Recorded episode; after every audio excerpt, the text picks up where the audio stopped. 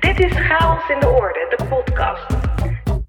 Ik ben Rachel Levy en in deze podcast ga ik ontrafelen hoe we oude patronen kunnen doorbreken en hoe we meesters kunnen worden in creativiteit en innovatie. Wauw, jullie zijn geweldig. Sinds het allereerste begin van deze zoektocht zijn jullie reacties een enorme aanmoediging om door te gaan. Zoals de reactie van Wouter, die schrijft: Wat een aanwinst deze podcast. Zit erg goed in elkaar. Ik ben zelf een creatieve chaot in een gestructureerde, planmatige werkomgeving. En fijn om ervaringen te horen van anderen. Wouter, dank je wel. En als jij ook fan bent, laat vooral een reactie achter in je podcast-app of via podcast.chaosindeorde.nl. En dan nu terug naar de zoektocht. Als je het hebt over orde en chaos, dan wordt de ambtenarij vaak als toonbeeld gezien van orde. Je weet wel, taai, stroperig, bureaucratisch, regeltjes. En toch ontmoet ik ook veel creatieve ambtenaren. Ik ga daarover in gesprek met Fleur Pullen. Ze is initiatiefnemer van Innovate, een innovatieaanpak speciaal voor ambtenaren. Chaos in de orde. De zoektocht. Ik weet dat het heel veel van mijn studiegenoten ook zeiden: wat ga je daar toch doen bij die ambtenaren? En waarom ga je niet in een flitsend uh, leuk bedrijf als Unilever of zo lekker aan de slag met een uitdagende functie? Het beeld dat haar studiegenoten hadden van de overheid viel in praktijk best mee. Fleur kreeg als beginnend ambtenaar juist best wel veel ruimte. Aan de andere kant merkte ik ook wel, en dat is denk ik in iedere organisatie of in ieder groot systeem, is ja, dat, dat je wel, je komt terecht in een omgeving die al gewoon helemaal is opgetuigd en volgens bepaalde regels en procedures loopt. En dat wil niet zeggen dat er geen ruimte is voor creativiteit, maar in ieder geval wat ik merkte was dat het systeem daar helemaal niet op ontworpen was in ieder geval. er, was niet, er was niet ingeregeld dat je daar uh, tijd of ruimte voor uh, kreeg. Dus ik merkte al vrij snel dat ik heel veel zat te vergaderen, heel veel praten, heel veel overleggen en heel weinig doen, heel weinig creëren. Um, en dat vond ik wel het lastige aan, uh, aan die overheid en aan ambtenaar zijn dus ook. Omdat ik ook dacht, ja, volgens mij moeten we andere dingen doen om bepaalde resultaten te bereiken. En dat, halen, dat gaan we gewoon niet redden met alleen maar achter een vergadertafel zitten. Dus het systeem vond ik daar te veel op ingericht. Te veel op, uh, op overleg en, uh, en op uh, memo's schrijven en notities maken en besluitvorming. En te weinig op actie. Veel praten, weinig doen. Precies wat Kevin Weijers ook zei in aflevering 5. Je komt op je werk, zet je computer aan en gaat jezelf en elkaar vervolgens de hele dag entertainen met mail, memo's, bila's, trila's en andere vergaderingen. Ja, ja, gek is dat. En dat, dat is lastig als je daarin terechtkomt in zo'n systeem en iedereen doet dat op die manier. En, um, en misschien zit er wel 80% in zo'n vergadering te denken: dit zou eigenlijk anders kunnen of beter kunnen. Maar omdat dat gewoon is hoe het gaat, dan, dan word je daar een beetje in meegezogen. En het duurde bij mij ook even voordat ik me begon te beseffen van hé, hey, maar wacht eens dit wil ik eigenlijk helemaal niet. Dit is niet mijn manier van werken waar ik energie van krijg. En ik denk dat het leuker en effectiever kan. En, en daar ben ik ook gaan zoeken naar hoe dan. dus hoe pak ik dat dan aan? Maar dat was wel lastig. Hè? Je moet dan wel even zeggen: ik denk dat dit beter kan. Um, en, en ik merkte ook meteen, ja, dat moet ik niet alleen doen. Ik ben niet iemand die dan in mijn eentje in zo'n vergadering met de hand op tafel slaat en zegt, we doen het nu anders. Uh, dus ik was wel meteen ook heel gaan zoeken naar medestanders of mensen die dat gevoel herkenden. En die ook zeiden, ja, volgens mij kan het, uh, kan het innovatiever, kan het vernieuwender en halen we er dan ook meer uit. En levert het meer op. Ik denk dat veel mensen zich zullen herkennen in het verhaal van Fleur. Wel de behoefte voelen om het anders te doen, maar die strijd niet alleen aan willen gaan. En hoe weet je dan of er voldoende draagvlak is voor verandering? Ja, nou, ik merkte bijvoorbeeld uh, in een afdelingsoverleg waar ik dan in zat, dat iedereen uh, zijn laptop meenam, openklapte en tijdens het overleg mails ging wegwerken. Weet je, dus er waren wel van dat soort dingen gaande, waardoor je kon zien dat heel veel mensen het eigenlijk niet zo nuttig vonden. Maar toch zei niemand die vergaderingen af. Iedereen ging er wel braaf zitten. Want dat was wat hoorde. Terwijl eigenlijk zou het al sterker zijn om te zeggen: joh, ik zie het nut niet, dus uh, ik ga iets anders doen. We zijn in ons werk geneigd te doen wat van ons wordt verwacht. Ook als het niet voelt als de beste aanpak. Hoe komt dat toch? Welke overtuiging houdt ons tegen?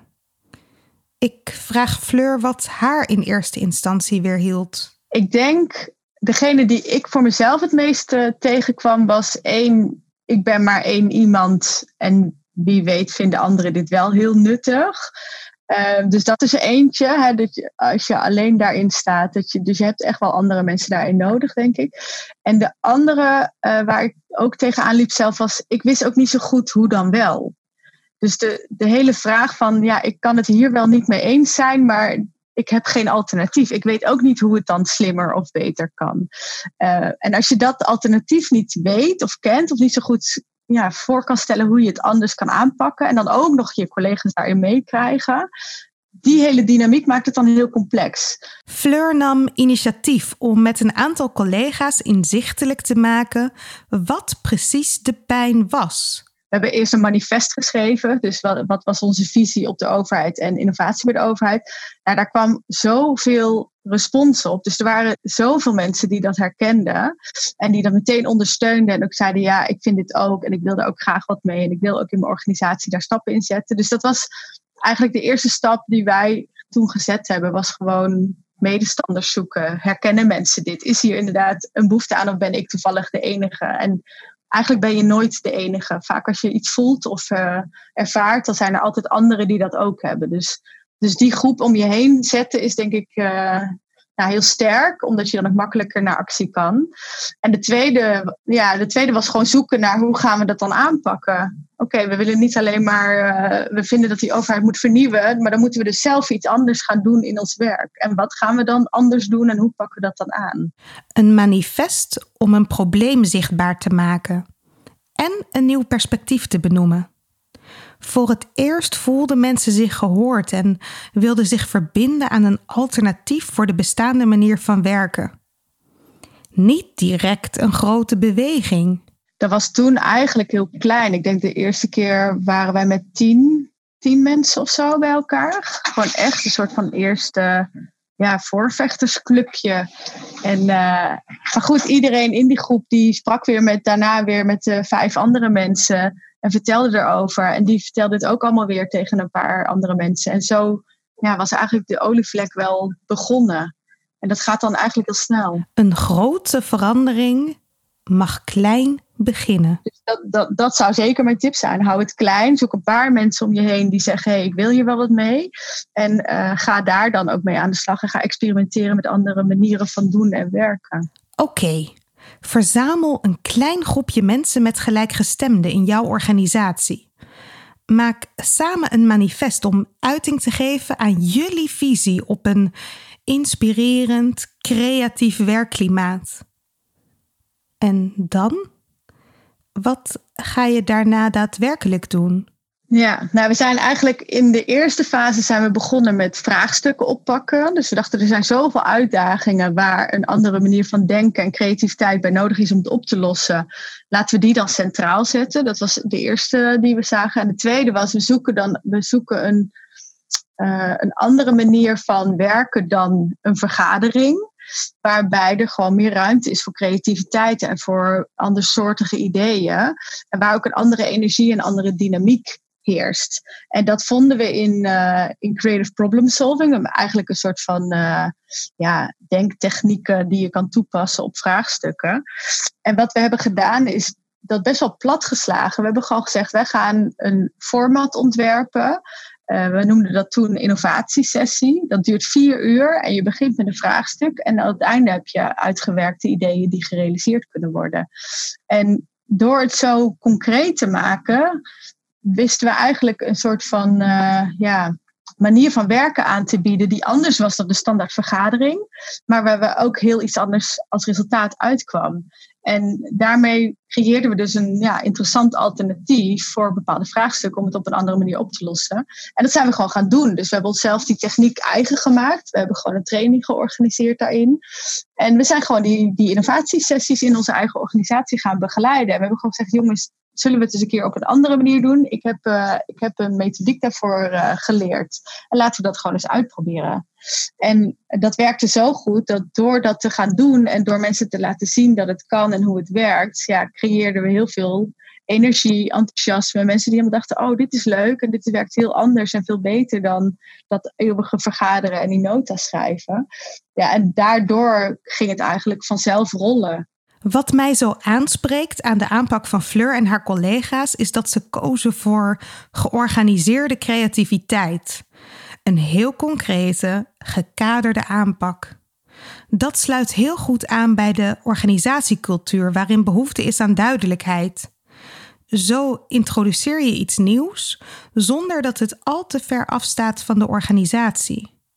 Maar, waarschuwt Fleur, geef mensen wel de tijd om te wennen. Want een speelse aanpak is onwennig. We zijn zo serieus geworden.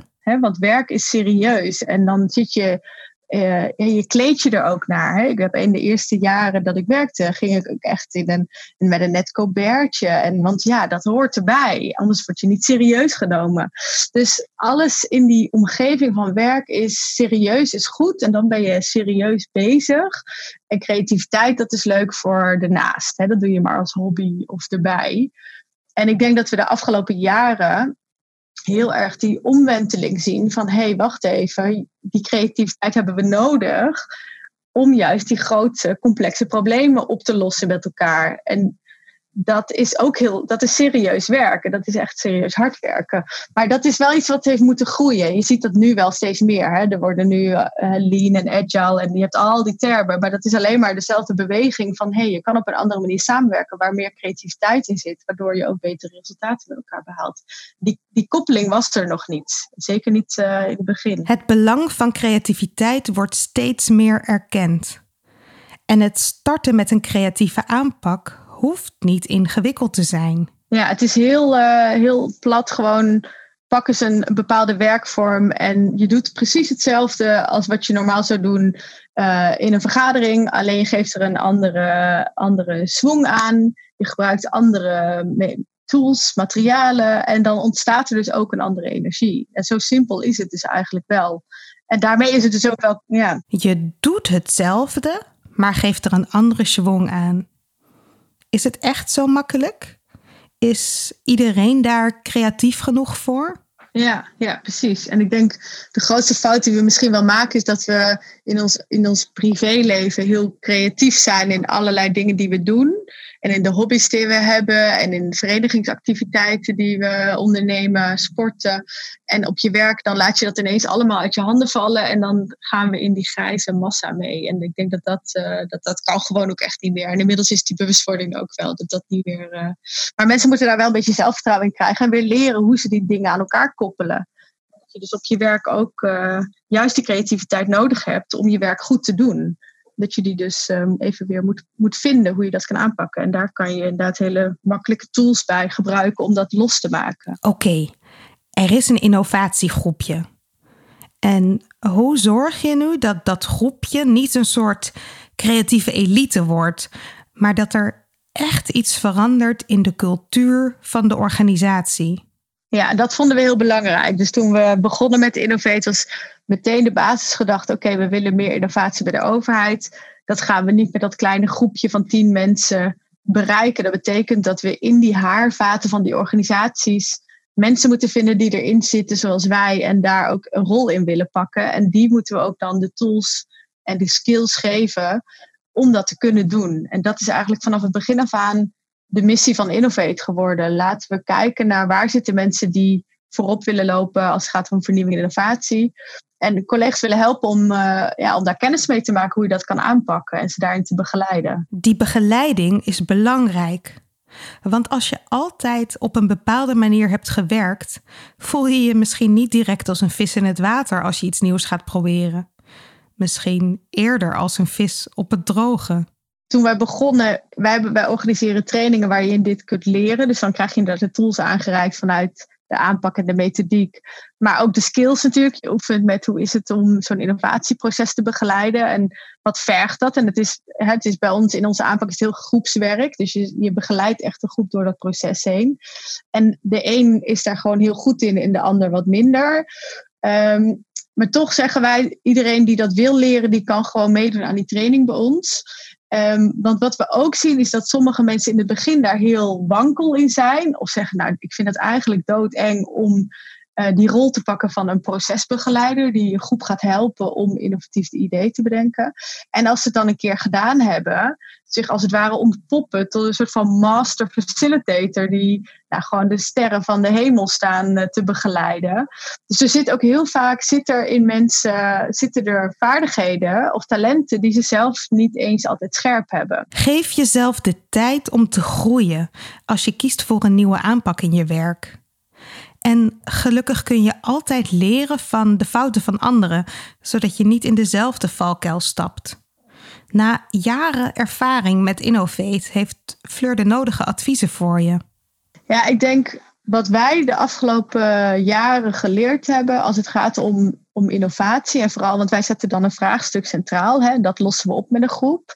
Ik denk het belangrijkste misschien wel is uh, opdrachtgeverschap van zo'n vraagstuk. Dus wie is nou de probleemeigenaar en wie gaat dus ook hiermee na die bijeenkomst met die ideeën aan de slag. En um, ik denk dat dat misschien wel de grootste valkuil is, dat je een probleem gaat oplossen wat nog niet goed is uitgediept. Dus daar zitten misschien wel allerlei problemen nog onder de oppervlakte.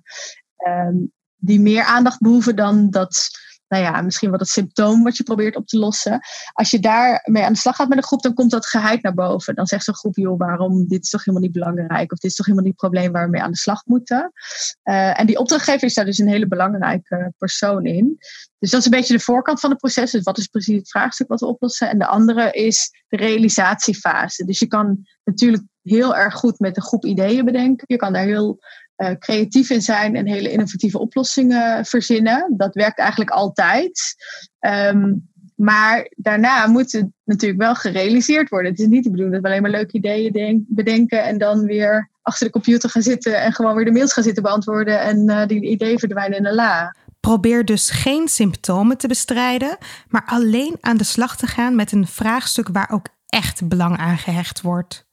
Met een duidelijke opdrachtgever en zorg dat er iemand is die daadwerkelijk met de oplossingen aan de slag gaat. En als dat, uh, als dat niet zo is, ja, dan moet je er misschien ook gewoon niet aan beginnen. Want dan is het echt zonde van de tijd. En ik denk dat je dan op het einde inderdaad alleen maar steeds meer gefrustreerde mensen creëert. Die dan nou, met mooie verwachtingen uh, daar zitten en uiteindelijk dan toch gedesillusioneerd uh, weer moeten terugkijken en denken, ja, het is inderdaad niet geworden wat ik had gehoopt.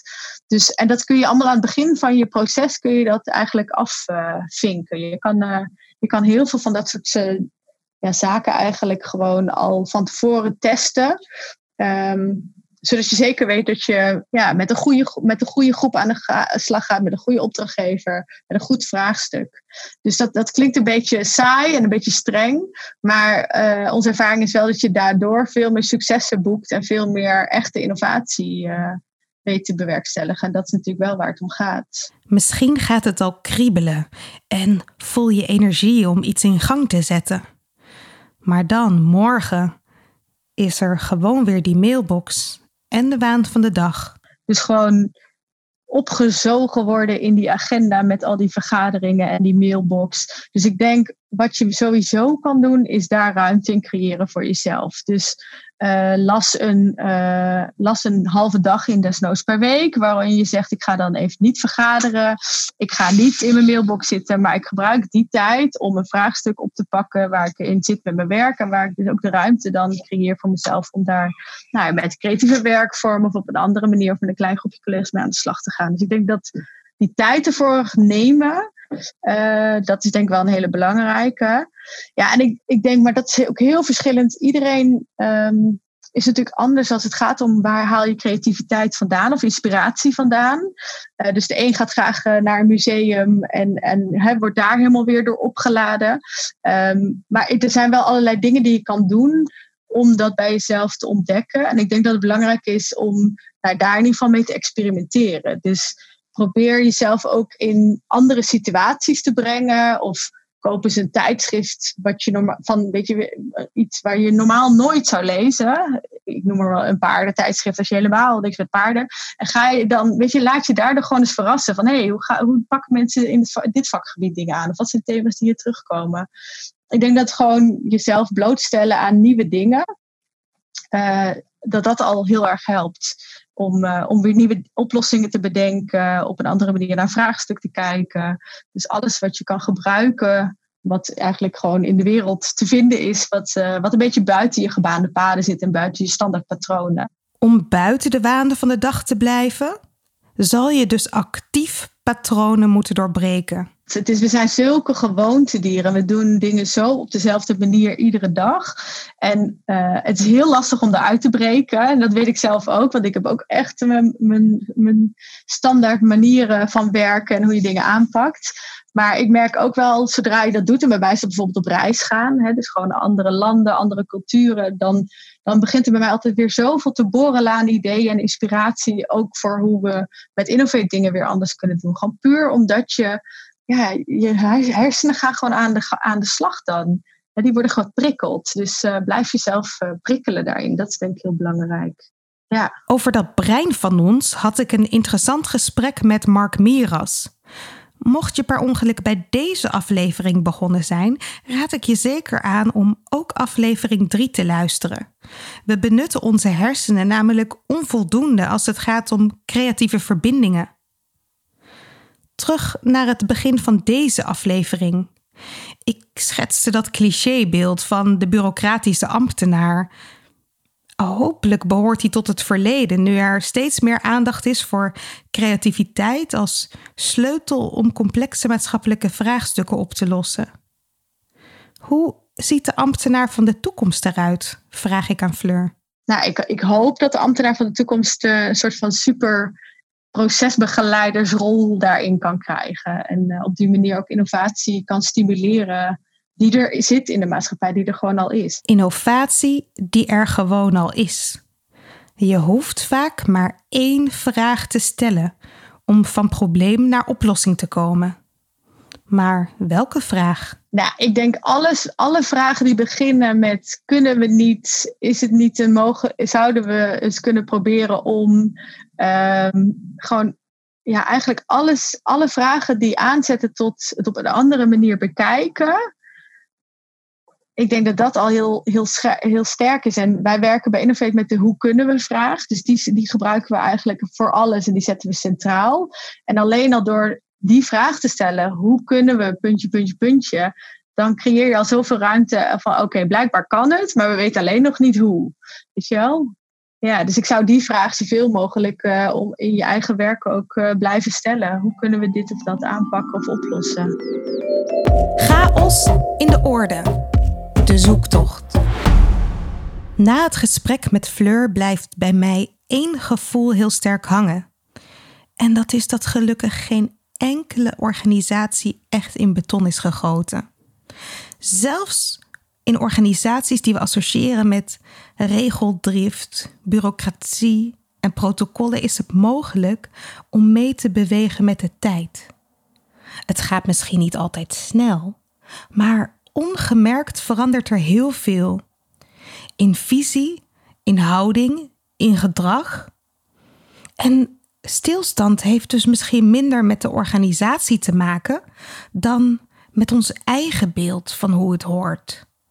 Waardoor we ons nog massaal vastklampen aan oude patronen.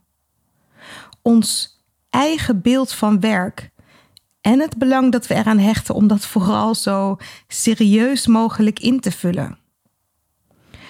Als we dat beeld kunnen bijstellen en massaal omarmen dat creativiteit nodig is om de complexe vraagstukken van deze tijd op te lossen, kunnen we ook het beeld bijstellen van hoe werk eruit hoort te zien. En In ons nieuwe beeld van werk doen we de dingen misschien heel anders. Proactief in plaats van reactief. Niet zittend, maar staand of schommelend. Minder in woorden en meer in gezamenlijke beelden. Minder regels en meer ruimte. Eén ding lijkt een rode draad te worden. Verwacht de verandering niet buiten jezelf, maar in jezelf. Heb jij een idee hoe ik mijn zoektocht kan vervolgen? Wie ik zeker moet spreken? Mail dan naar podcast.chaosindeorde.nl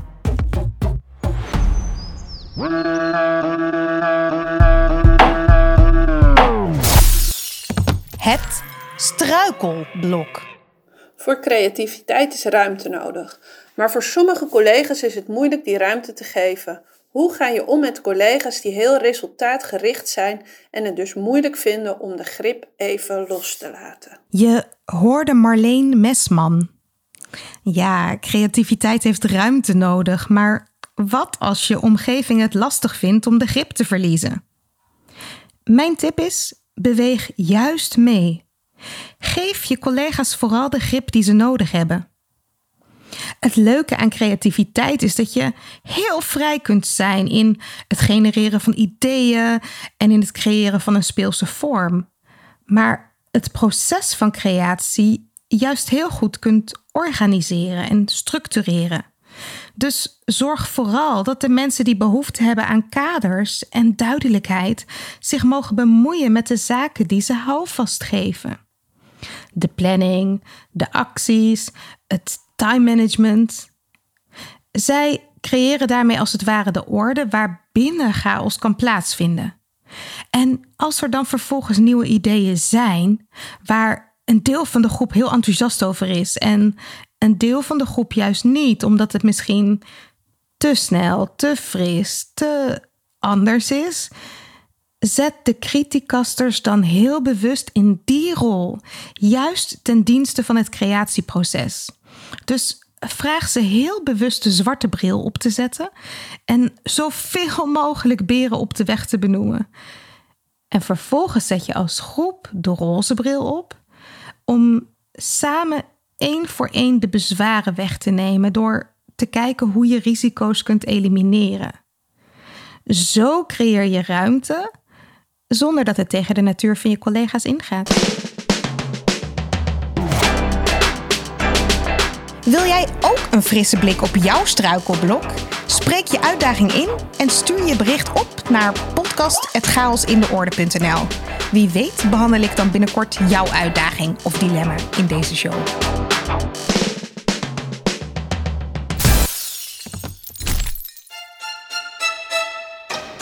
Het jargongedicht. We stemmen vandaag de aanvliegroute af, zodat de neuzen dezelfde kant op staan en we eindelijk met dit project door kunnen gaan. Actie in de taxi, doorpakken, afvinken. Ik zit nog wel op twee gedachten te hinken. Nou, vooruit, klap erop. Maar wie geeft er handen en voeten aan? We hebben de contouren nu wel aardig staan. Uh, ik wil het wel voor je inregelen, maar voor de acceptatie is het wel belangrijk dat we ook denken aan de communicatie. Oh, ik wil de plannen best doorcommuniceren. Ik weet wel hoe we mensen kunnen activeren. Maar voor de specifieke boodschap zoek ik nog wel een haakje. Maken we daarvoor in kleiner verband dan een afspraakje? Dat is goed. We geven deze meeting zo snel mogelijk een follow-up. En dan nodigen we ook, hoe heet die nou, Huppel de Pup, uit aan tafel. Gewoon voor de formaliteit. Dank voor deze meeting. Heerlijk, zo'n hands-on mentaliteit. Jouw jargongedicht in deze podcast? Stuur je gedicht in via podcast.chaosindeorde.nl en dan is jouw gedicht binnenkort hier te beluisteren. Takeaway to go. De takeaway to go van deze aflevering is: Maak een keer voor jezelf concreet waar voor jou precies de pijn zit in de huidige manier van werken. Sluit je ogen en bedenk hoe jouw werk eruit zou zien in een creatief en inspirerend werkklimaat. Wat is er dan anders? Hoe werk je dan? Hoe gaat de organisatie anders om met bepaalde situaties? Hoe ga jij anders om met bepaalde situaties? Probeer dit voor jezelf te vatten in woorden en beelden. En je hoeft dit niet alleen te doen, liever niet zelfs. Ga in je team of in je organisatie op zoek naar een klein groepje gekkies waarmee je een nieuw perspectief kunt schetsen. Jullie eigen manifest als startpunt voor een reeks experimenten bijvoorbeeld. Gooi het eerste steentje en zie de rimpeling die het teweeg brengt. Creativiteit, innovatie, het lijkt omgeven door een mysterieuze mist. Een geheim voor briljante breinen en getalenteerde kunstenaars. En toch, het moet toch voor iedereen toegankelijk zijn? Aflevering voor aflevering graaf ik steeds een stukje dieper. Ben jij enthousiast? Abonneer je dan op deze podcast en laat een review achter in de app waarmee je luistert. Hoe meer reviews we ontvangen, hoe meer mensen deze podcast kunnen vinden. Zo zorgen we samen voor meer chaos in de orde. Wil jij zelf chaos in de orde brengen? Download dan gratis het e-book Chaos. 10 manieren om patronen te doorbreken. Je vindt het op chaosindeorde.nl/slash podcast. Deze podcast wordt je aangeboden door Huis van Verbeelding, het bedrijf voor zakelijke creativiteit. Tot de volgende keer en veel chaos!